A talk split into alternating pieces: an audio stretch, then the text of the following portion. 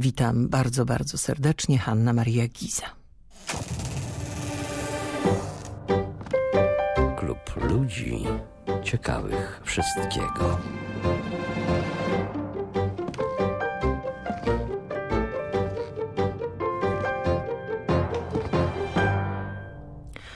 Strajk wybuchł o godzinie 6.30 28 czerwca 1956 roku w tzw. Tak Czarny Czwartek w zakładach przemysłu metalowego Hipolit Cegielski Poznań w latach 1949-56 noszących nazwę zakłady imienia Józefa Stalina Poznań i przerodził się w pierwszy w PRL-u spontaniczny protest przeciw władzy. W milczeniu wyszli z zakładów i skierowali się w stronę centrum Poznania. Na czele pochodu cegielskiego szły kobiety, pracujące przy szlifowaniu ręcznych pudeł wagonów. Obdarte, wychudzone, w wykoślawionych drewniakach wyglądały jak prawdziwe katorżnice. Za nimi pracownicy montażu i spawacze. Szliśmy spokojnie, bez żadnych okrzyków, wspominał jeden z uczestników. Kto widział ten pochód, mówił później mecenas Michał Grzegorzewicz podczas jednego z procesów poznańskich, ten go chyba nie zapomni do końca życia karnie szli w ordynku, szli zdyscyplinowani i z dumą i z godnością. Ale to nie szedł tłum spacerowiczów, szedł tłum wrzący i kipiący, tłum gniewny. W miarę jak gęstniał, jak wzmagał się odgłos kroków, narastała również temperatura uczuć. Taki nastrój to dynamit. Niebezpieczna staje się każda iskra. Ponad 10 tysięcy żołnierzy Ludowego Wojska Polskiego pod dowództwem wywodzącego się z Armii Czerwonej generała Stanisława Popławskiego, siły bezpieczeństwa i milicja stłumiły strajk. W 2006 roku dr Łukasz Jastrząb, na którego będę się dzisiaj mm, jeszcze powoływać, ogłosił zweryfikowaną listę 57 zabitych i zmarłych w wyniku odniesionych ran. Jego badania w 2007 roku potwierdził Instytut Pamięci Narodowej. Poznański czerwiec 56 był przez propagandę PRL-u bagatelizowany jako wypadki czerwcowe albo w ogóle przemilczany. Mija 60 lat od tamtych wydarzeń. Spróbujmy zrozumieć przyczyny i przypomnieć konsekwencje buntu Wielkopolan. Witam gości w studiu. Doktor habilitowana Dorota Skotarczak, profesor nadzwyczajny Uniwersytetu Adama Mickiewicza w Poznaniu, kierownik pracowni historii wizualnej Instytutu Historii Uniwersytetu Adama Mickiewicza w studiu Radia Merkury w Poznaniu. Witam panią profesor. Witam serdecznie państwa. Od razu powiem, że w Poznaniu realizuje naszą audycję pan Krzysztof Jankowski. Pan profesor doktor habilitowany Piotr Franaszek, historyk, profesor zwyczajny w Instytucie Historii Uniwersytetu Jagiellońskiego w Krakowie, Zakład Historii Gospodarczej i Społecznej w studiu Radia Kraków. Witam panie profesorze.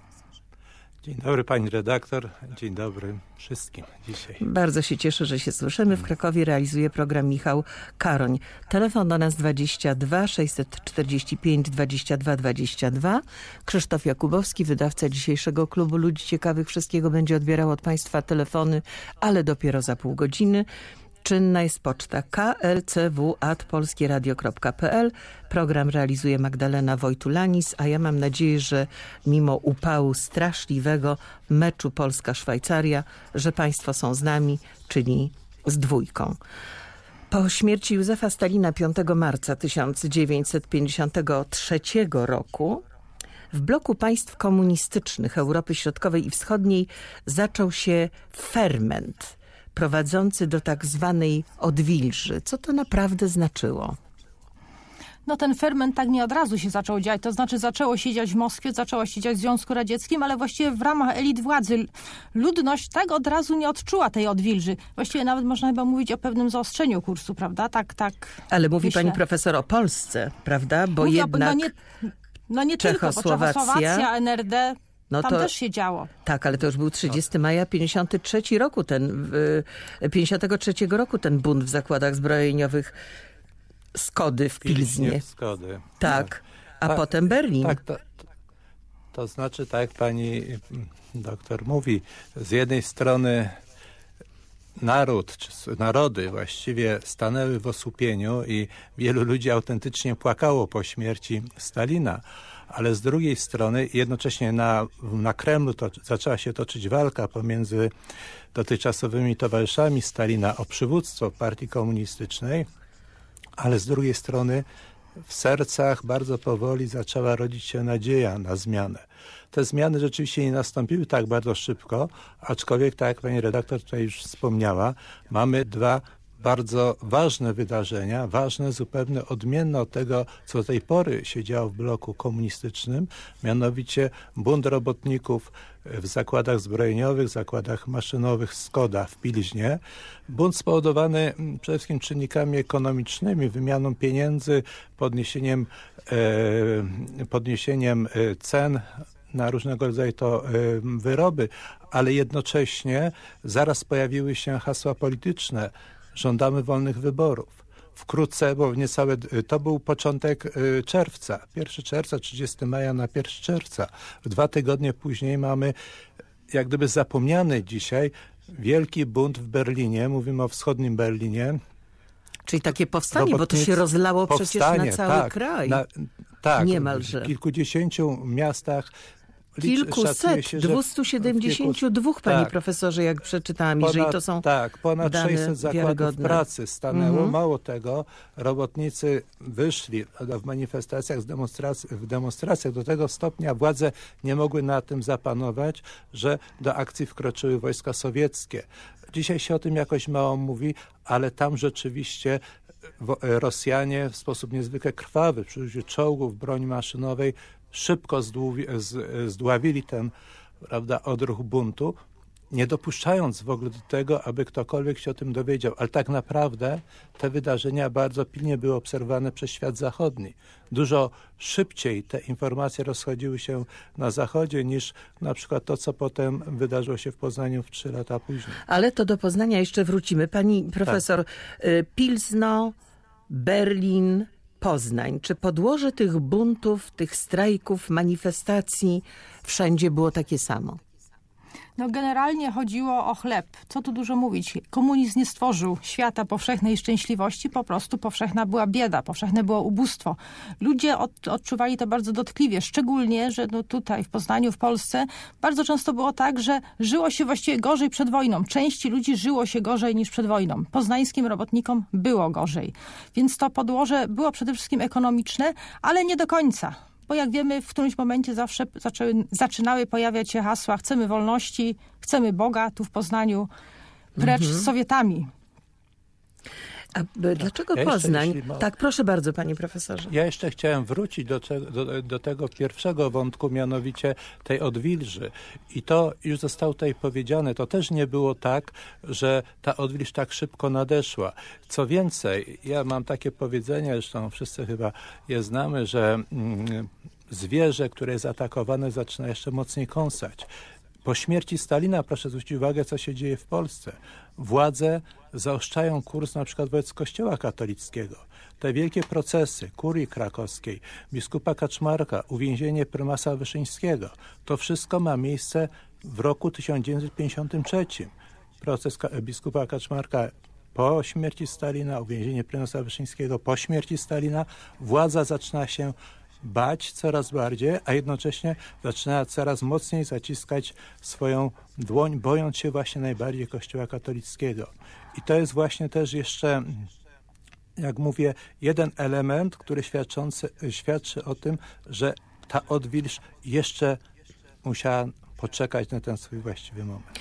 Ale tak, tam Czechosłowacja, y, Niemcy wschodnie, NRD to jest 53. Stosunkowo szybko po, po śmierci Stalina, prawda? Bo już maj tak. i czerwiec. Natomiast w Polsce trzy lata później. Niektórzy historycy twierdzą, że to tajny referat Nikity Chruszczowa, ten wygłoszony 14 lutego 56 roku, podczas 20 zjazdu Komunistycznej Partii Związku Radzieckiego spowodował właśnie ten taki wybuch w państwach komunistycznych, szczególnie w Polsce i że w nim, co, właściwie co w tym, w tym referacie było takiego, co przekręciło oś historii? Ja bym powiedziała, że nie tylko ten referat, że w Polsce odwilż w kulturze była też istotna, która się zaczyna dokonywać już nieco wcześniej, bo już w 54, 55 ona jest widoczna.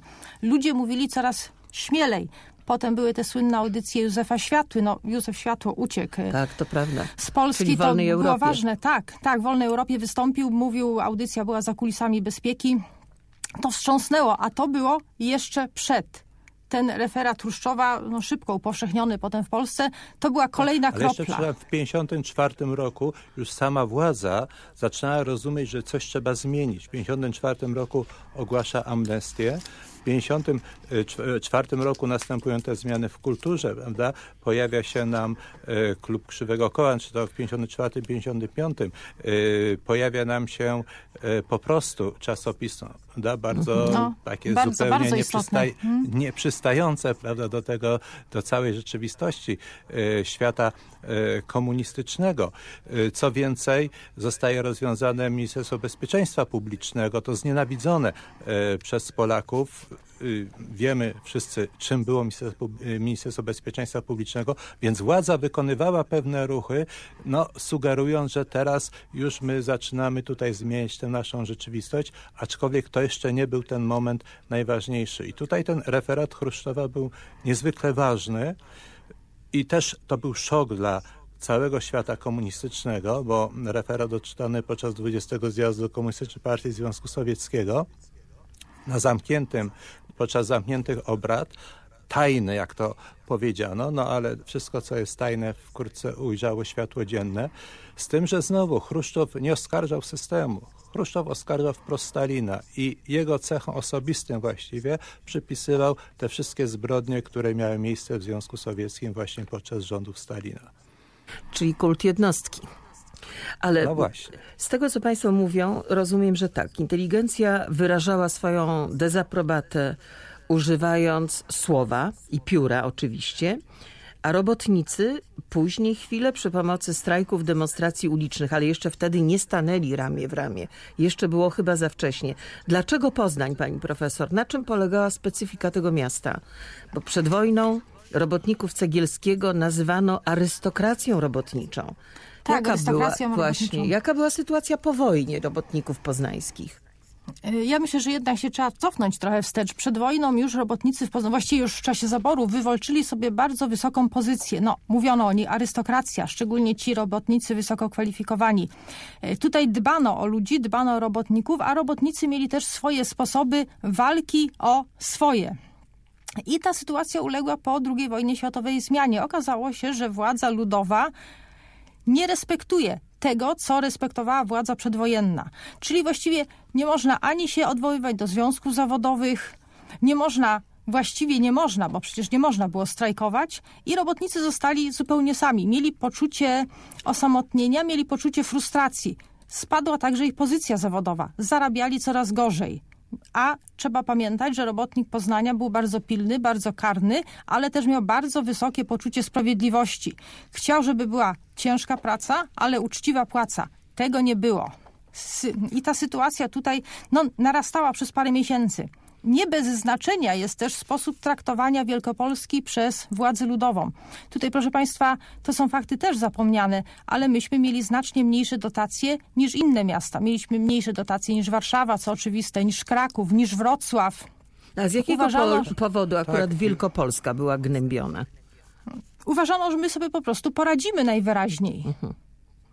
Znaczy, Ty ja jeszcze i to- jedną rzecz Tak, panie Tak, proszę, profesorze. Jeśli tak. można, Tak, tak. y, będzie, mówimy co prawda o proteście robotniczym, ale y, w kontekście tego, o czym pani doktor tutaj mówiła, o tej wysokiej pozycji robotników, należy także popatrzeć na wieś wielkopolską. Wieś wielkopolska Tak, to to, także wieś o prawda, długowiekowych tradycjach wspaniałego poziomu rozwoju rolnictwa, kultury agrotechnicznej itd., itd. Wieś wielkopolską bardzo silnie uderzył cały proces kolektywizacji. Tak, Dla chłopów się. było nie, to nie do przyjęcia, absolutnie. To wszystko prowadziło do degradacji rolnictwa, a w efekcie przełożyło się także na potężne braki w zaopatrzeniu. Y, Mówiła Pani właśnie tutaj o tych braku dotacji. Pamiętajmy, że kończy się plan sześcioletni, czy skończył się plan sześcioletni. Inwestowano no, w różnych miejscach w Polsce, Także w Krakowie zbudowano nową hutę, na przykład tu jest y, hutę Skawina pod Krakowem, natomiast w Wielkopolsce tych inwestycji nie było. Y, Więc to wszystko prawda, się jakoś kumulowało i wreszcie no, dało o sobie znać taką potężną erupcją. Ale nie zapominajmy o tym, że zanim robotnicy Cegielskiego wyszli na ulicę, próbowali jednak rozmawiać z władzą, prawda? Do Warszawy udała się przecież delegacja robotników. Czy Oj, tych sądzili... delegacji było, hmm, tych właśnie. delegacji było sporo, nie była jedna przecież. Ale co chcieli uzyskać rozmawiając? Wierzyli, w, że można coś uzyskać rozmawiając z komunistami? No skoro jeździli, to mieli nadzieję. Trzeba pamiętać, że sporo było ludzi należących do partii pracujących, no wtedy w ZISPO, nie? czyli w Ceglorzu, jak tutaj się u nas mówi. Ci ludzie też stanęli w którymś momencie po stronie tych niepartyjnych. Było tak źle, że nie było wyjścia. No, zaczęto od delegacji, zaczęto od zgłaszania postulatów. Przede wszystkim chodziło o normy. Normy zostały zawyżone zupełnie absurdalnie. To spowodowało spadek zarobków. Prócz tego była fatalna kooperacja. Ludzie niekiedy stali całymi dniami, a potem pracowali po 16 godzin. Źle naliczano podatek. To była taka bardzo istotna rzecz. Ale y, może jeszcze się cofnijmy trochę wstecz, bo jeszcze jedna rzecz ważna, taka, o której nie powiedzieliśmy. Poznań stracił w 50 roku status miasta wydzielonego. To bardzo uderzyło Poznań, bo musieliśmy odprowadzać to, co wypracowaliśmy sobie, a prawie nic nie zostawało tutaj w mieście, więc właściwie wszystkie zakłady takie jak Cegloż, jak no, czyli Zispo, jak Stomil, właściwie wszystkie zakłady pracowały na Warszawę, pracowały na centralę. My z tego nic nie mieliśmy i to była taka, e, taka rzecz, która tutaj bardzo dała no, ludziom po kieszeni, mówiąc po prostu. Mhm. Ale co I było jeszcze to... dodajmy, Proszę bardzo. jeśli mogę dodać, e, ogromny wzrost demograficzny Poznania, o czym też e, należy pamiętać. Szacuje się, że w ciągu 10 lat między 46 a 56 rokiem liczba ludności Poznania wzrosła o 120 tysięcy, czyli właściwie powiększyła się o jedną trzecią, e, przy jednocześnie tych samych, tej samej infrastrukturze, tej samej liczbie mieszkań, jak właśnie 10 lat wcześniej. To jest pierwsza sprawa. Dodałbym jeszcze do tych przyczyn, czy do tych postulatów robotniczych, ta sprawa podatków jest tu niezwykle istotna. To złe naliczanie podatków trwało przez wiele lat. To były ogromne y, jak gdyby straty robotników. Odmawiano im jednocześnie wyrównania tych ich strat. Co więcej, robotnicy lepiej niż dyrektorzy, którzy tam niewiele mieli do powiedzenia, bo wszystko było centralnie sterowane, widzieli jak fatalnie zarządzane jest całe przedsiębiorstwo. To, co dzisiaj się dużo mówi o zarządzaniu, y, to wszystko i między innymi także tutaj robotnicy wysuwali postulaty. Tych postulatów było blisko 5 tysięcy. To jest niewyobrażalne postulatów, które wychodziły od robotników Cegielskiego, aby zmienić sytuację. Nie, tylko, nie, były to tylko, nie były to tylko postulaty, że my chcemy tu więcej zarabiać i jesteśmy niesprawiedliwie traktowani. O tych postulatach jeszcze za chwilę powiemy, ale co było taką bezpośrednią y, przyczyną wybuchu poznańskiego czerwca 56, tą przysłowiową iskrą, która podpaliła ląd? Czy to był moment przypadkowy, że to się właśnie wtedy wydarzyło? No, to tak, nie, nie, do końca. przypadkowy. No. Aha, tak. E, Nie, no No, proszę pani bardzo. profesor, pani profesor, Nie, proszę ja, bardzo. jak, tak, tak. No nie, no nie był przypadkowy, y, na to się złożyło systematyczne lekceważenie władz i tuż przed tym wybuchem, właściwie dwie takie rzeczy ja bym powiedziała, tuż przed wybuchem, tuż przed 28 pojechała kolejna delegacja do Warszawy. Ta delegacja wróciła z dobrymi wiadomościami, że właściwie, y, właściwie większość postulatów ma być zrealizowana. Nie wszystkie, no bo powiedzmy sześciogodzinny, go- sześciogodzinny dzień pracy dla kobiet, no to nie, bo to nie leżało w gestii ministerstwa, z którym rozmawiano, ale inne właśnie spłata podatku, tego zawyżonego, y, y, żeby nie śrubować norm, na to wszystko się zgodzono w Warszawie. Po czym, proszę Państwa, delegacja wróciła, przekazała dobre wiadomości, w parę, a w parę godzin później przyjeżdża z ministerstwa minister i tak mąci, że właściwie wynika na to, że tak naprawdę nic nie załatwiono. To była ta pierwsza rzecz, która przelała czarę goryczy, a po drugie, pamiętajmy, to był czas targów w Poznaniu, targów O, międzynarodowych. O czym pamiętano, o czym robotnicy też pamiętali. Czyli szansa na to, że świat Właśnie. zauważy. Czyli No właśnie, tak, tu- szansa. Tak. Mm. To, co pani najpierw powiedziała, y, to nie tylko, że minister Roman Fidelski, minister przemysłu maszynowego Mącił, on wręcz powiedział robotnikom, że tutaj nic nie zostanie załatwione. prawda? I, a było to właśnie po tych rozmowach zgodnie z którymi y, postulaty robotników miały być uwzględnione w większości. No i te między, 25. Międzynarodowe Targi Poznańskie, gdzie po pierwsze wystawcy z całego świata, czy prawie z całego świata, dziennikarze przede wszystkim, prawda? Poza mhm. tym no, służby konsularne różnych krajów zachodnich. Tutaj robotnicy wiedzieli, że dzięki temu te informacje mogą szybko się rozejść prawda, poza żelazną kurtynę. No i prawda też jest taka, że świat na zachodzie szybciej wiedział o tych zdarzeniach niż Polacy w kraju. Bo tu wiadomości były y, utajnione. Blokowane oczywiście. Tak. tak. ale to jest, to jest przedziwne, bo tak, bo y, y, mówi się, że to spontaniczny wybuch y, i spontaniczny bunt, ale sami państwo powiedzieli, moment nieprzypadkowy, nawarstwianie tych wszystkich problemów, o, o których państwo mówili. Czy był ktoś, kto tym sterował? Czy był jakiś przywódca tego, tego buntu? Ktoś, za kim poszli robotnicy. No, byli delegaci, którzy pojechali do Warszawy. Był na przykład pan Matyja, ale w którymś momencie to się zupełnie y, właściwie wymknęło spod kontroli, kiedy Matyja, jeden z tych takich najważniejszych osób, przyszedł do zakładu o godzinie 6, właściwie już wrzało, nie miał już wiele do powiedzenia, także trudno wskazać chyba, tak myślę, na jedną osobę, która tutaj zadecydowała, że idziemy. Mhm. Tak, i na pewno tak było. Znaczy in, innymi słowy, historycy do dzisiejszego nie potrafią wskazać takiego ośrodka... Przywódcy. E, tak, przywódcy sterującego tym wszystkim, co zresztą potem przełożyło się w dużej mierze na e, przebieg tych wydarzeń, bo one no, wymknęły się spod kontroli tak, całkowicie. Tak, to jeszcze o tym powiemy. Mhm. Napisał do nas pan Tadeusz ze Świebodzina. Tak oto, według mojej oceny na przestrzeni dziejów Polski Iskry pochodzą od podpalaczy lub nieostrożnych, obcych lub swoich. Proszę podać przykład świadomego wytworzenia iskry celem skutecznego polepszenia w trwały sposób losu większości pokrzywdzonej, na przykład ekonomicznie. Co Państwo na to? Oj, w Poznaniu to się zbierało i to zbierało się, tak jak tutaj mówimy od dłuższej chwili, zbierało się systematycznie, a może warto też powiedzieć, że władza się nie liczyła tu z wybuchem w Poznaniu. Obawiano się Śląska, ale nie Poznania. Mhm. I to znaczy, też jest chyba taka rzecz tak. istotna. Mm. Pani znaczy profesor... Też nie, nie wiem, czy jest jakieś drugie dno w tym pytaniu, ale historycy także zastanawiają się, czy, zresztą nie tylko nad Poznaniem w 1956 roku, czy były jakieś właśnie iskry, które były celowo podkładane, czy były jakieś siły, które inspirowały. No, propaganda komunistyczna twierdziła, że tak, co zresztą potem też powiemy o tych procesach strasznych, ale właśnie pani e, profesor wspomniała o kobietach, bo do tego protestu mężczyzn, zresztą nie tylko z Cegielskiego, ale z innych zakładów, które się potem yy, przyłączyły, włączyły się także kobiety i także tramwajarki, prawda? Tak, i te tramwajarki, to ja myślę, że trzeba jeszcze w którymś momencie podkreślić, jak już dojdziemy już do momentu wybuchu. Tak, tak, to już podkreślajmy teraz. No tak. Y, tak, właściwie y, strzały zaczęły się od tych biednych tramwajarek. Proszę Państwa, kobiety wyszły, wyszły z ISPO, czyli z Ceglorza, szły na początku pochodu, po drodze Idąc, zbierano pracowników z innych zakładów, tak mówiąc w dużym skrócie.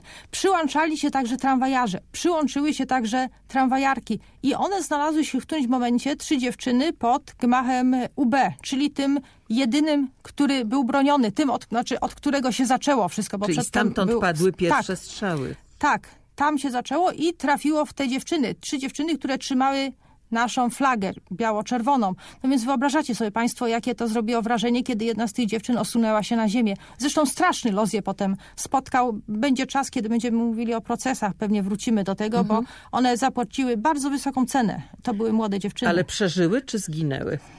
Przeżyły, ale no, co to za życie? Mhm. Wszystkie były inwalidkami.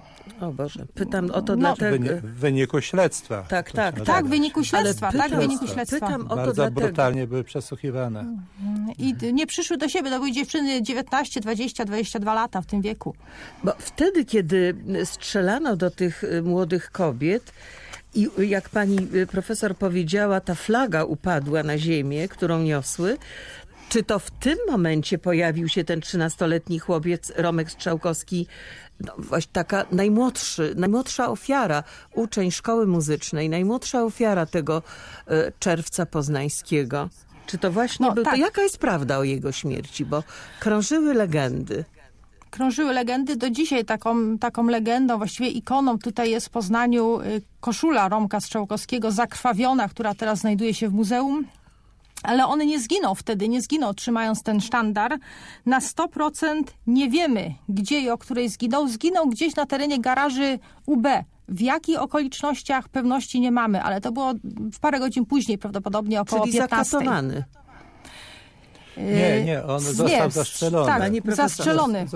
Tak, Został zastrzelony, a, bo no właśnie. y, chyba w 2006 czy 2007 roku przeprowadzono badania, znaczy prokurator IPN-u w Poznaniu prowadził badania, które miałyby ustalić właśnie przyczynę śmierci i okoliczności. Te okoliczności, tak jak pani profesor mówi, no, są niejasne i nigdy nie będą wyjaśnione.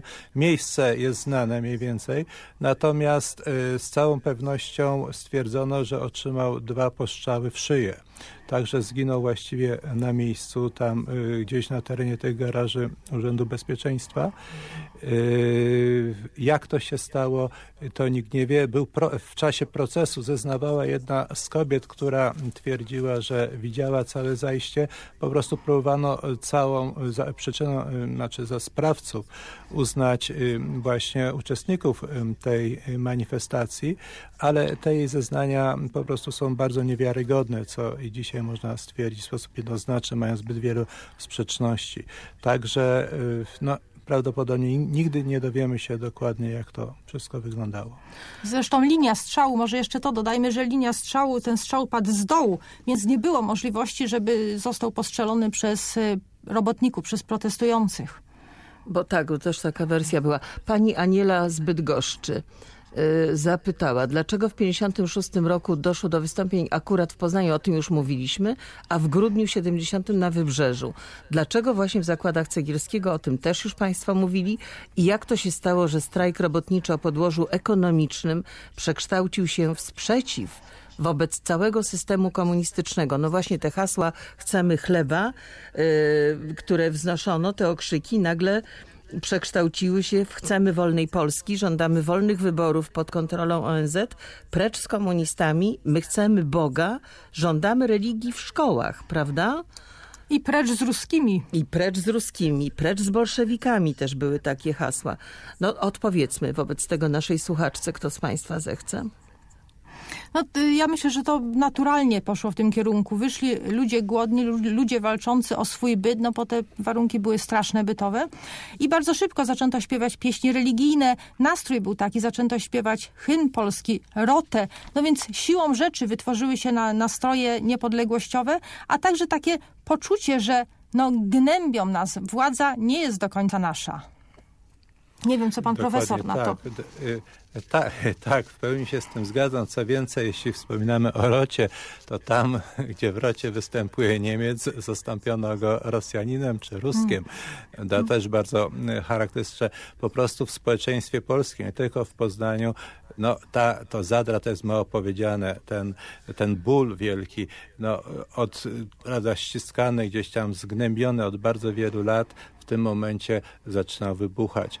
I, i, I to w dużej mierze była taka naturalna reakcja. Bym powiedział, jest taka kaskada tych różnych y, haseł, żądań właśnie od tych ekonomicznych po polityczne, czy wręcz właśnie antysowieckie.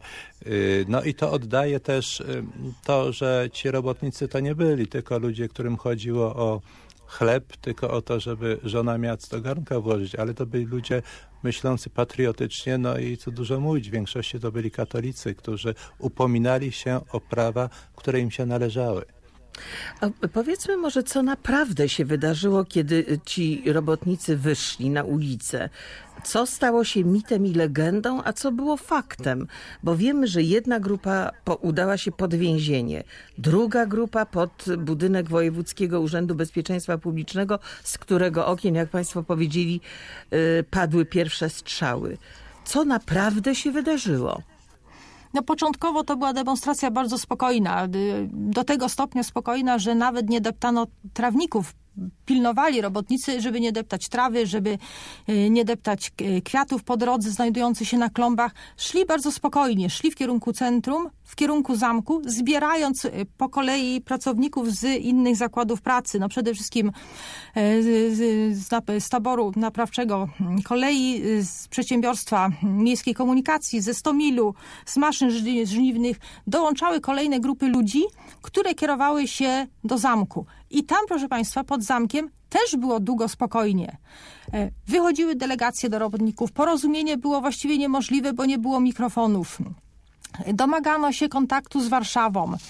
E, robotnicy w końcu weszli, weszli do zamku. E, A co było w zamku? Proszę Państwa, Miejska, była... Tam znajdowała się no, Miejska Rada Narodowa. Aha, no właśnie.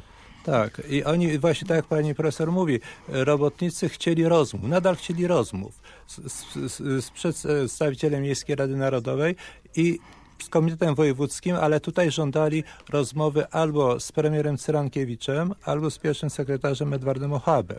Oni żądali rozmów, byli lekceważeni. Co więcej, wyszedł do nich y, sekretarz informacji Wincenty Kraśko, który był wtedy w Poznaniu, no i zaczął opowiadać jakieś tam rzeczy, których oni absolutnie nie chcieli słuchać. Y, I to był początek tej całej manifestacji. Tutaj nie było żadnych zaburzeń, tutaj nie było żadnych wystąpień. Oni po prostu nadal chcieli rozmawiać. A kiedy doszło do zwarcia? I gdzie? To zwa do zwarcia doszło trochę później, bo wpierw robotnicy, no tak można powiedzieć, zdobyli Radę Narodową, y, zdobyli budynek partii, bo przecież i do budynku partii, który był obok, y, y, weszli do gmachu PZPR, obeszli, zwiedzili niejako, nic nie niszcząc, nie demolując. Co prawda, owszem, zrzucono flagi, zawieszono flagi biało-czerwone, wywieszono napisy na przykład mieszkania do wynajęcia na budynku, gdzie się znajdowała partia ale było bardzo spokojnie. A tymczasem, proszę Państwa, kolejne grupy e, od tej wielkiej rzeszy docelo, w sumie było około 100 tysięcy ludzi, która wyszła, które wyszły na ulicę, ale poszczególne grupy zaczęły się oddzielać. Poszła taka plotka, że aresztowano delegatów, tych delegatów, którzy poprzednio rozmawiali z ministerstwem. To nie była prawda. Ci delegaci, delegaci z Ceglorza nie zostali aresztowani, ale taka plotka poszła, więc pewna grupa poszła pod więzienie. Ale tu też był spokój cały czas, bo był zakaz używania broni. Milicja miała zakaz używania broni, więzienie y, się zabarykadowało, nawet trochę polało wodą, ale kiedy robotnicy rozwalili drzwi, nie strzelano do nich. Robotnicy spokojnie uwolnili więźniów, którzy w większości opuścili cele, był spokój. Ale to Dopiero nie byli zaczął... więźniowie polityczni, ani ci delegaci. Nie, delegaci byli, nie byli aresztowani. No Dopiero właśnie. się zaczęło nie, pod nie, budynkiem. To byli drobni jacyś tam hmm. przestępcy, drobni jacyś tam złociejaszki i tak dalej, i tak dalej. Tak, no ale czy to było... prawda, że robotnicy zabrali broń z więzienia? Czy tak, to prawda, że tak, zniszczyli tak. akta więzienne? Czy to prawda, że znaczy... zaczęli strzelać? To znaczy tak, tego nie y, wiem. Hmm? Natomiast na pewno w, przy więzieniu była zbrojownia i tam po raz pierwszy robotnicy weszli w posiadanie broni. I nie tylko tam zresztą, bo także przejęli broń, która znajdowała się w studiach wojskowych y, szkół wyższych, tam między innymi szkoły rolniczej i Akademii Medycznej. Y, ten. Natomiast to ten moment najbardziej dramatyczny rozpoczął się pod budynkiem Urzędu Bezpieczeństwa. To tam po raz pierwszy padły strzały do robotników i to jest, to jest fakt, to jest stwierdzony fakt, bo też Rada władza przedstawiała to w ten sposób, że to robotnicy rozpoczęli prawda, ten ogień w stronę tam funkcjonariuszy. No dobrze, panie a... profesorze, ale doktor Łukasz Jastrząb napisał, że bito nawet rannych żołnierzy niesionych na noszach, czyli ten tłum po prostu już tama puściła. Ale to było tak, potem. Później, to było, potem. to było trochę później. później. To było to, co więcej, i tu jeszcze właśnie nie wprowadziliśmy w ogóle wojska, to wojsko no nam właśnie, się też kto podjął decyzję o użyciu wojska i użyciu broni, ale o tym za chwilę przypomnę numer telefonu 22 645 22 22. Zaraz odbierzemy telefon i adres poczty elektronicznej klcw.polskieradio.pl.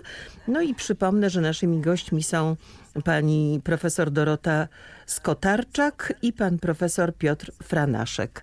Odbieramy telefon, za chwilę wrócimy do wojska. Halo? Dzień dobry. Witam pana. Chciałem się na początku pochwalić, że byłem na otwarciu pomnika w Poznaniu w y, czerwcu 81, tak. Dość duże wrażenie to na mnie zrobiło. Tam jeszcze w ogóle wtedy były ślady po kulach, z tego co tam ludzie mówili, że to właśnie jeszcze z 56 roku, nie wiem ile w tym prawdy. Po prostu na elewacjach kamienic w centrum Poznania były ślady podobno po kulach, ale to jak, jakby tak y, szczegół przy okazji. Chciałem się zapytać, jak to się stało, że to powstanie się nie rozlało? To znaczy, czy była jakaś taka y, totalna blokada in, informacyjna, że załóżmy robotnicy, czy też y, Polacy mieszkający czy w samym województwie, czy w ogóle w kraju, czy w ogóle ktoś oprócz Poznania miał pojęcie, co się tam wtedy działo? Dziękuję bardzo. Jeszcze jeden telefon. Halo? Y, Dzień dobry, serdecznie Państwa pozdrawiam. Witam Halo? pana. Tak, słyszymy, słyszymy. E, Miałbym pytanie dotyczące e, obrony mm, e, robotników w procesach po proteście. Dobrze. Co, czy spotkały jakieś represje adwokatów? I miałbym pytanie jeszcze dotyczące aparatu partyjnego. Czy prawdą jest, że w owym czasie pierwszym sekretarzem Komitetu Wojewódzkiego PZPR w Poznaniu był Wincenty, nie Piotr, ale Wincenty Kraśko? Dziękuję bardzo. E, Dziękujemy bardzo. Może zaczniemy od e, pierwszego pytania. Kto z Państwa zechce odpowiedzieć, dlaczego to powstanie, jak to się stało, że to powstanie się nie rozlało na całą Polskę, tak jak się rozlało powstanie w Berlinie, berlińskie. Ja może zacznę od tego, że też byłam na otwarciu tego pomnika. Pozdrawiam pana. Być może spotkaliśmy się gdzieś w tłumie. W tłumie. Rzeczywiście, rzeczywiście tak, to tłum był wielki. Była blokada Poznania i to blokada nie tylko komunikacyjna, ale też fizyczna. Jak już weszło wojsko, to zablokowano wszystkie drogi wyjazdowe i może jeszcze taka rzecz. Mówiąc o Poznaniu, o tym, co się w Poznaniu wydarzyło, bardzo ważna jest pamięć o sekwencji wydarzeń. Tutaj to, co było przedtem, co było potem, jest bardzo istotne, żeby pamiętać, że pewne wydarzenia kumulowały się, narastały, spiętrzały. Bicie żołnierzy, niedopuszczanie pogotowia, to było dopiero później, jak już zaczęła się pacyfikacja miasta. To jest bardzo ważne, żeby pamiętać o, o tym, w jakiej to wszystko szło kolejności. No a Poznań był, tak, był miastem zamkniętym, był miastem No, ale izolowanym. były telefony przecież, prawda? Były targi, międzynarodowe targi poznańskie, czyli ludzie się jakoś przemieszczali. Na tych międzynarodowych targach przecież e, byli obecni nie tylko zagraniczni e, przedstawiciele jakichś e, firm, ale także polskich. No, ale pamiętajmy o jednej rzeczy. Wtedy nie było telefonów komórkowych i nie, była, nie było tyle telefonów, co dzisiaj. Telefony były nieliczne. Prywatne telefony były tak naprawdę nieliczne. Opanowanie tego to nie był żaden problem tak naprawdę.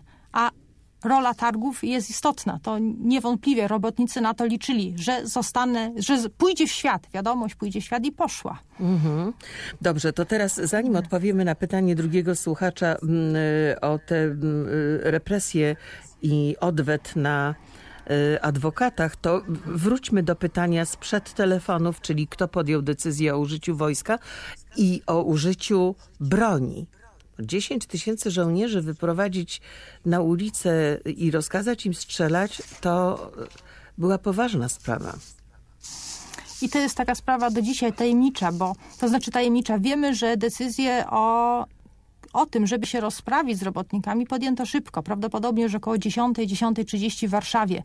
I to była taka rozmowa Ochaba z Rokosowskim.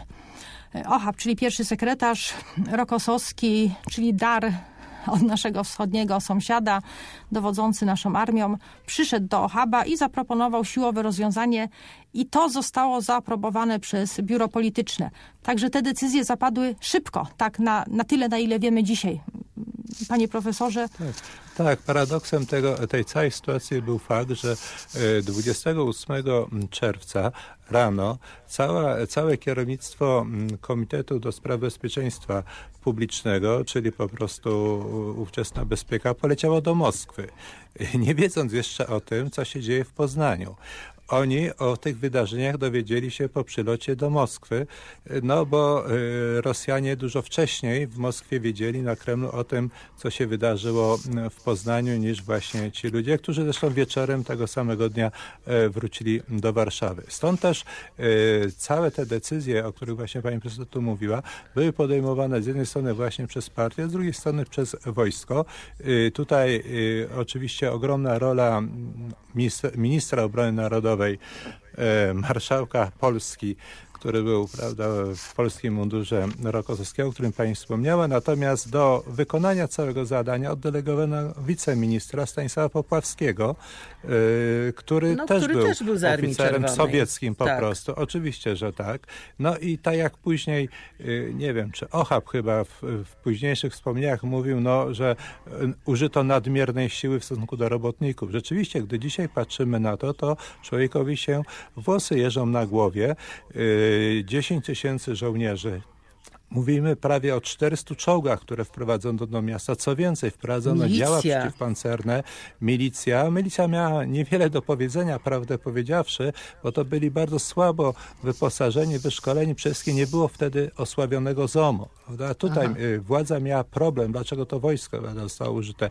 Y, y, partia w ogóle nie była przygotowana na taką sytuację, że oto robotnicy mogą wystąpić przeciwko partii, która jest przecież robotnicza w swojej nazwie. Dlatego też użycie tych ogromnych sił wojskowych, co więcej, to y, na terenie Poznania pojawiły się y, działa przeciwlotnicze, co już w ogóle dzisiaj zakrawa na jakąś, no, y, prawda, paradoks te, tego wszystkiego. Użyto specjalnych wojsk, jakim były oddziały y, Korpusu Bezpieczeństwa Wewnętrznego, KBW.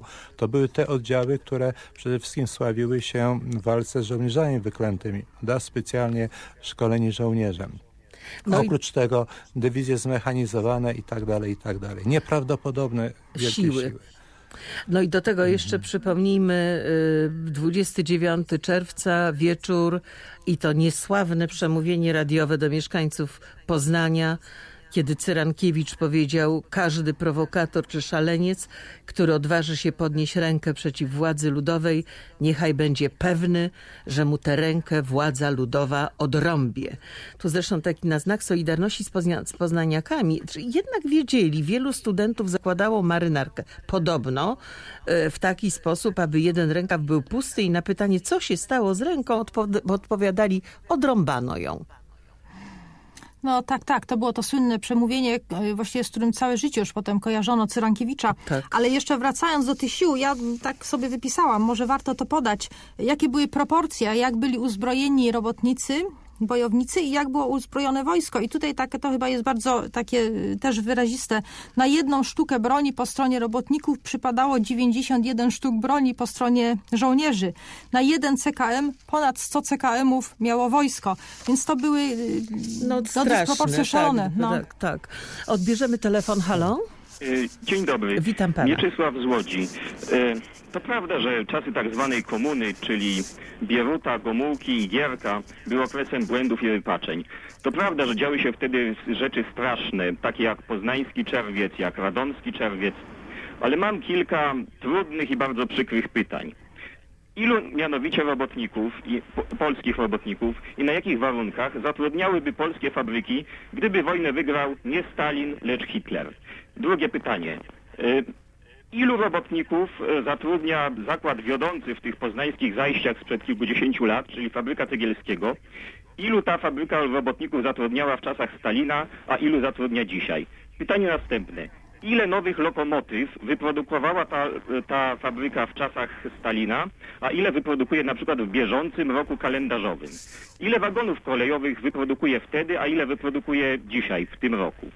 I chcę powiedzieć wszystkim, że mm, globalistyczny kapitalizm ma pewne zalety, ale nie umie zrobić wielu ważnych rzeczy. Na przykład y, ten kapitalizm nie wybudował w ostatnich latach w Polsce żadnej nowej huty, żadnej kopalni, żadnego zakładu powiedzmy poważnego tego typu. I chcę powiedzieć, że dzień wczorajszy był dla mnie dniem ogromnej radości, oczywiście w związku z brytyjskim referendum, z tym, że jakiś naród wykazał rozsądek, powiedział nie złodziejom z Brukseli, powiedział nie wielkiemu globalistycznemu kapitalizmowi. Zobaczymy, czy to na, pew- czy na pewno mieli rację, ale nie wchodźmy y, w ten wątek, bo to nie Ale jest tematem jest naszej ważne, audycji. pani. Dobrze. I chcę powiedzieć, że pragnąłbym też, Ale żeby czekają y, jeszcze to, co słuchacze. Mhm. było dobre w czasach komuny, bo też były takie rzeczy, były jednak przywrócone i zachowane. Znaczy ja rozumiem, że pan uważa, że y, komuniści zrobili więcej dla polskiego narodu Tak. niż y, władza wolnej Polski, tak? Na ogół tak, w wielu Mhm. ważnych sprawach tak. Dobrze, to teraz dziękuję panu bardzo. Odbierzemy kolejny telefon, a potem poproszę państwa o ustosunkowanie się do tych wypowiedzi. Halo? Dzień dobry Państwu. Witam pana. Mam dwa pytania, takie bardzo króciutkie. Jaki był efekt protestu poznańskiego jak zachowało się poznańskie środowisko prawnicze? Bo różnie o tym mówiono. Dziękuję Mhm. bardzo. Dziękuję bardzo. No, czyli teraz po kolei. Kto z państwa zechce pierwszy odpowiedzieć, że ten okres błędów i wypaczeń, ale jednak władza komunistyczna zrobiła to i to i tamto, czego w wolnej Polsce nie zrobiono. No ja myślę, że w ogóle nie można tak patrzeć, że mówienie, co by było, gdyby wygrał Hi- Hitler, czy No byłoby właśnie. lepiej, gdyby wygrał Hitler, czy Stalin. No ja bym powiedziała, że to jest porównanie absurdalne. Można powiedzieć, co by było, gdyby nie było wojny. Otóż No to. gdyby nie było wojny, to byłoby w ogóle lepiej. No co tu dużo mówić, robotnikom w Cyglorzu było przed wojną lepiej niż w latach 50. Mówimy o tym okresie stalinowskim. I gdyby nie wojna, to byłoby im jeszcze lepiej. To A prawda. porównywanie Hitlera i Stalina, no chyba jest absurdalne trochę. Tak, dodajmy, że to wcale nie Stalin wygrał wojnę, tylko koalicja antyniemiecka. No. No więc właśnie, no więc właśnie. Dwa telefony się zbiegły z pytaniem o, o mm, y, prawników, o adwokatów, o mecenasów, o prokuratorów y, w tych procesach. Poprzednio pytał słuchacz o represje, y, których doświadczyli obrońcy robotników. Teraz także słuchacz pytał o, mm, o, o to środowisko mm, adwokackie. Jak państwo Też- by to skomentowali? I adwokaci też zapłacili swoją cenę, szczególnie ci najbardziej aktywni, tacy jak na przykład mecenas Sejmowski, którego władza ludowa zniszczyła. To był człowiek, który zmarł pod koniec lat 60., ale przedtem doprowadzono go do bankructwa, doprowadzono do tego, że nie mógł wykonywać zawodu. Także y, nie było łatwe bronić wtedy robotników. Ja na początku No. przytoczyłam y, ten y, to wstrząsający opis tego pochodu, tego marszu y, mecenasa Michała Grzegorzewicza, który właśnie podczas jednego z procesów poznańskich tak przedstawił tę sytuację. Tak, panie profesorze, bo przerwałam? Nie, nie, ja nie zacząłem jeszcze, chciałem zacząć. No. Natomiast, y, no bo dochodzimy właśnie do procesów i, Mhm. i, i, i wiadomo było, że tu parę rzeczy się nakłada, bo tak, z jednej strony y, władza koniecznie chciała ukarać y, tych prowodyrów, jak to wtedy mówiono, agentów imperializmu, reakcyjnego podziemia, tam wszystko, prawda, podkładano y, pod y, ten, mało tego, mm, odpowiedzialnych za całe zajścia czyniono element kryminalny, przypisywano właśnie tym ludziom zaangażowanie i starano y, w, w przebieg tych, y, tych wydarzeń i tak dalej, i tak dalej. I to jest jeden wątek. I to, mamy procesy, ale tych procesów tak naprawdę mamy niewiele, bo mamy tak naprawdę trzy procesy. Co więcej, ostatni z nich nie został dokończony. Mówi się o procesach trzech, dziewięciu, dziesięciu. Tak w literaturze można spotkać takie określenia. Właśnie pierwszy z tych procesów, y, gdzie y, między innymi sądzono osoby odpowiedzialne tam za zlinczowanie, tak można powiedzieć, funkcjonariusza Urzędu Bezpieczeństwa, y, no zakończyły się mm, poważnymi wyrokami. Ale zauważmy, że ostatni z tych wyroków ostatni z procesów no, nie został dokończony. Został odłożony i się nie zakończył, nie został wznowiony. Ale dlaczego? Bo październik? Otóż to, my y, musimy pamiętać, że w tle tego wszystkiego, o czym my tu rozmawiamy, działy się bardzo ważne rzeczy w stolicy. Przede wszystkim rozpoczęła się na serio bardzo ostro prowadzona walka między różnego rodzaju frakcjami, koteriami wewnątrz partii. Tego oczywiście nie mówiono, to było tajne, ale zaczęły ścierać się różnego rodzaju wpływy o przejęcie władzy. No i to potem zaowocowało październikiem i dojściem Gomułki do władzy. I to, co Przepraszam, potem październikiem powie- bezkrwawym dodajmy. Tak, tak. Prawda? Krew Czyli już to się polała. Go- krew już tak, już się Tak. polała, już ofiara została złożona. Tak, dokładnie. Prawda? Czyli ta I ofiara to Gomułka przy- potem w, rok później powie o tej y, zasłonie, żeby spuścić żałobną zasłonę na te wszystkie sprawy i już do nich nie wracać. No tak, a te ofiary to tak jak podaje dr Łukasz Jastrząb, zginęło lub zmarło z ran 49 cywilów, czterech żołnierzy, jeden milicjant, trzech funkcjonariuszy UB, w sumie 57 osób. W 81 roku jeszcze oceniano, że zginęły 74 osoby. Y, Ponad 80%, jak twierdzi pan y, doktor Jastrząb, tych ofiar to byli przypadkowi ludzie, w tym 15, 15 dzieci i młodzieży do lat 18, no i ten Romek 13-letni Strzałkowski, najmłodsza ofiara UB. Wróćmy do Tak, pytania to są słuchacza. statystyki jeszcze. Jeśli mogę uzupełnić Tak. jeszcze y, tę liczbę ofiar, tam y, po tych obliczeniach pana doktora y, Jastrzębia, prawda, IPN dołożył jeszcze jedną ofiarę człowieka, osoby, która zmarła w kilka lat po wydarzeniach poznańskich, ale w sposób ewidentny właśnie w wyniku odniesionych wówczas obrażeń. To, o czym pani profesor wspomniała, tak. Tak.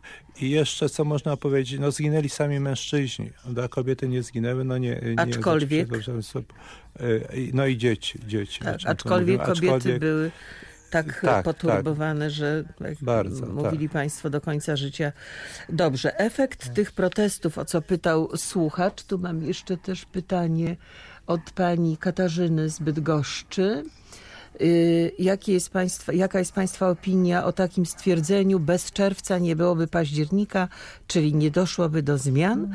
Czy istniała w tamtym czasie polityczna organizacja niezależna od partii? No ja myślę, że ten czerwiec to y, był, był wstrząs także dla partii i dla tych obu i Natolińczyków i Puławian, o których pan profesor tutaj y, wspominał. To pokazało, że to nie jest tak, że wszyscy popierają partię, że można nad ludźmi zapanować, że coś się dzieje. I być może... Że można y, robić co się chce. I że można robić co się chce, ale też być może e, nasi władcy i z jednej strony, i mówię o tych obu frakcjach, być może po prostu się trochę zaniepokoili i zwarli szeregi, żeby doprowadzić do jakiejś takiej sytuacji, która zadowoli ludzi, wyciszy nastroje w kraju. Zwróćmy uwagę też na jeszcze jedną rzecz, że właściwie tutaj taką, takim, no, y, za tak, takiego wroga numer jeden przedstawiano Urząd Bezpieczeństwa. Tutaj pan profesor mówił na początku, że on już był wcześniej reformowany, rozwiązano Ministerstwa Bezpieczeństwa Publicznego, były zmiany, ale też jak gdyby nienawiść ludzi szła przede wszystkim w tym kierunku. To No ale jednak bezpiece. władza Mhm. ustąpiła społeczeństwu, prawda? U- Przynajmniej w pewnym zakresie. Przez to trochę się pewnie jednak przestraszyła. Mhm. Tak, Przestraszyła, to znaczy, tak, y, znaczy tak, jeśli by nie było czerwca, zmiany na pewno by nastąpiły. Jeszcze jeden wątek, którego nie poruszyliśmy, a pamiętajmy, że w marcu 56 roku umarł Bierut. O, Y, Bierut, który pojechał na 20 zjazd. No, umarł Mówimy, jak że umarł. Pojechał, z, jak mówiono, pojechał z kuferkiem, wrócił w kuferku, tak e, mówiono. Y, Natomiast rozpoczęła się walka prawda, o schedę po Bierucie. Y, Między tymi, tu pani profesor wspomniała, Pławianami, Natolińczykami, ale y, no, pojawiła się postać Gomułki. Y, Gomułki, który był represjonowany w czasach stalinowskich. I oto Gomułka jako, jawi się jako ten pokrzywdzony przez tych złych komunistów. Tak, bo siedział on, w więzieniu. Prawda, tak, siedział w więzieniu, był aresztowany, był prześladowany i ta cała grupa ludzi z nim związana.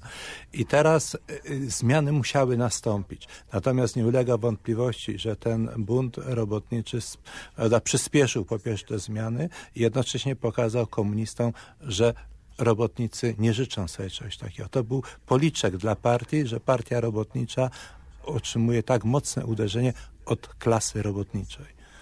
No ale proszę Państwa, do, y, y, do października, do, przepraszam, do grud, y, czerwca 76, czyli Radom Ursus Płock, no musiało upłynąć aż 20 lat, żeby, żeby Polacy się zbuntowali.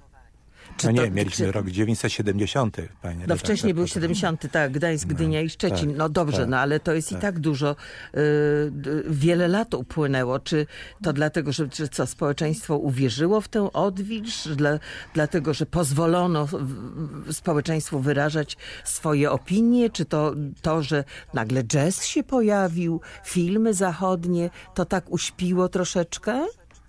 No po, jednak się zmieniło mimo wszystko. Y, nie wdając się w to, co się działo na szczeblach władzy, wiadomo, byliśmy zależni od Związku Radzieckiego i tak dalej, ale zmieniło się. No, powrotu do takiego terroru, jak w okresie stalinowskim nie było. Zelżało niewątpliwie. Stopa życiowa też trochę drgnęła.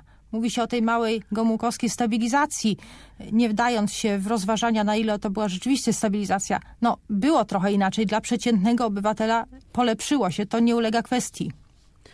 A Tak, proszę, tak. Pani Jeśli profesor, mogę proszę jeszcze bardzo, dodać, proszę bardzo. bezpośrednio, oczywiście wszystkie te sprawy, o których pani profesor mówi, one trwały do czasu i jeszcze do tego możemy dodać, czy musimy dodać sprawy relacji z Kościołem. Prawda? E, Polacy, naród katolicki, gnębiony przez, e, w okresie stalinowskim, oto Gomułka wychodzi i mówi, my chcemy prawda, współpracować z Kościołem katolickim. Y, Prymas Wyszyński zostaje zwolniony z aresztowania. Tak jest. Y, y, Zaczyna funkcjonować komisja mieszana episkopatu i rządu. Religia zostaje przywrócona do szkół. Ludzie to widzą, prawda? Ludzie to akceptują. Co więcej, na czym Gomułka jeszcze zyskuje? Prawda? Przedstawia się jako człowiek, który buduje relacje ze Związkiem Sowieckim na zasadzie partnerstwa. Już nie będziemy prawda, wasalami wobec Sowietów. Już w listopadzie 1956 roku Gomułka jedzie do Moskwy, podpisuje układ e, z Nikitą Chruszczowem o e, likwidacji polskiego długu wobec Związku Radzieckiego. Następuje e, zawarcie porozumienia, które sankcjonuje i ustala warunki, na jakich armia sowiecka ma przybywać w Polsce. Proszę pamiętać, że Sowieci do 1956 roku po prostu stacjonowali w Polsce tylko dlatego, że weszli do Polski w 1945 roku. Prawda? Nie było tu żadnych układów, żadnego porozumień. I to wszystko Gomułka potrafił zdyskontować no, na swoją korzyść. I dlatego co najmniej przez kilka lat rzeczywiście społeczeństwo uwierzyło. I jeśli na przykład rozmawia się z ludźmi, że jest ich coraz mniej, którzy przeżyli październik, oni naprawdę wierzyli w to, co się dzieje. To był wielki entuzjazm i chyba nie było tak wielkiego entuzjazmu w polskiej historii powojennej, jak w październiku 56 roku. No, do czasu Solidarności. Czyli No tak. jednak, e, jednak możemy stwierdzić, że rok 56 był rokiem przełomu w układzie sił między władzą a społeczeństwem, ale także między PRL-em a Związkiem Radzieckim. Prawda? No i, a ja bym jeszcze może dodała, pani o tym mówiła, pani redaktor, te zmiany w kulturze też nie były bez znaczenia, bo jednak ludziom trochę zależało, żeby móc posłuchać normalną, zwykłą piosenkę, żeby móc iść do kina. To też było ważne, no w takiej, taka codzienność, takie zwykłe życie. No przecież co myśmy mieli w tej pierwszej połowie lat 50., no naprawdę tych roz, rozrywek nie było wiele. W 80 roku, 1980, i to już będzie ostatni wątek naszego spotkania, pojawiła się koncepcja, że Solidarność, już tu przywoływana przecież, ma swoje korzenie w tym poznańskim czerwcu 56. Pomnik ofiar czerwca 56, te kroczące poznańskie krzyże, odsłonięte, o czym Państwo wspominali, 28 czerwca 81, w 25. rocznicę e, czerwca. E, Ten pomnik stał się jednak punktem odniesienia w czasie stanu wojennego. Ale czy naprawdę, czy na pewno uprawnione jest stwierdzenie, że poznański czerwiec spowodował przyspieszenie tych procesów, tych buntów i tego dążenia do odzyskania pełnej niepodległości. Po drodze jeszcze były takie wydarzenia jak y, październik 56, grudzień 70, czerwiec 76, no i później lipiec i sierpień 80 roku, prawda? Tak, no trochę 68 rok też trochę innym 68 kontekście, także. ale też trzeba o tym wspomnieć. Kraków, tak, Gdańsk, Warszawa. Czy to rzeczywiście, ma, musimy kończyć już, nam pokazują, No. że koniec. Jedno zdanie. No była jakaś dynamika w tym wszystkim, narastało. Ja myślę, że trzeba w ten sposób patrzeć sekwencyjnie, od czerwca aż do końca, do 89 roku. I W żadnym konsekwencja. kraju bloku komunistycznego nie, tego rodzaju wydarzenia nie miały charakteru periodycznego jak w Polsce. Bardzo dziękuję. Naszymi gośćmi byli dzisiaj pani profesor Dorota Skotarczak i pan profesor Piotr Franaszek, Krzysztof Jakubowski, Magdalena Wojtulanis, Hanna Maria Giza. Dziękujemy bardzo. Proszę pozostać z dwójką.